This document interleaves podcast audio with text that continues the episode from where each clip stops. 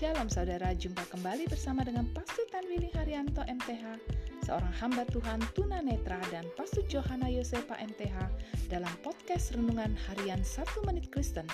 Di dalam podcast ini, kami membagikan kebenaran dari Alkitab yang dimulai dari kitab kejadian sampai kitab Wahyu. Selamat menikmati.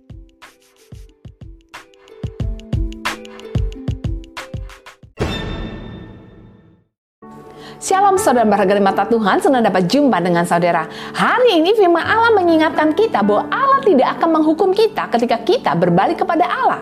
Ketika Musa memohon keselamatan bagi bangsanya, maka Allah membatalkan niatnya, Allah tidak jadi menghukum umatnya.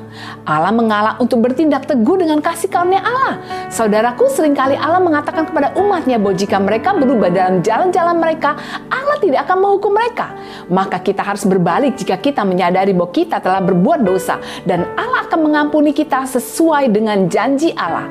Firman Allah mengatakan, lalu umatku yang memakai namaku itu merendahkan diri dan berdoa serta datang kepadaku dan meninggalkan perbuatan mereka yang jahat, maka dari surga aku akan mendengar doa mereka. Aku akan mengampuni dosa-dosa mereka dan menjadikan negeri mereka makmur kembali.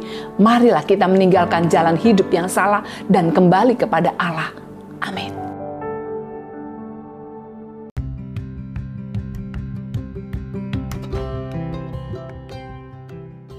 Terima kasih saudara telah mengikuti podcast Renungan Harian 1 Menit Kristen.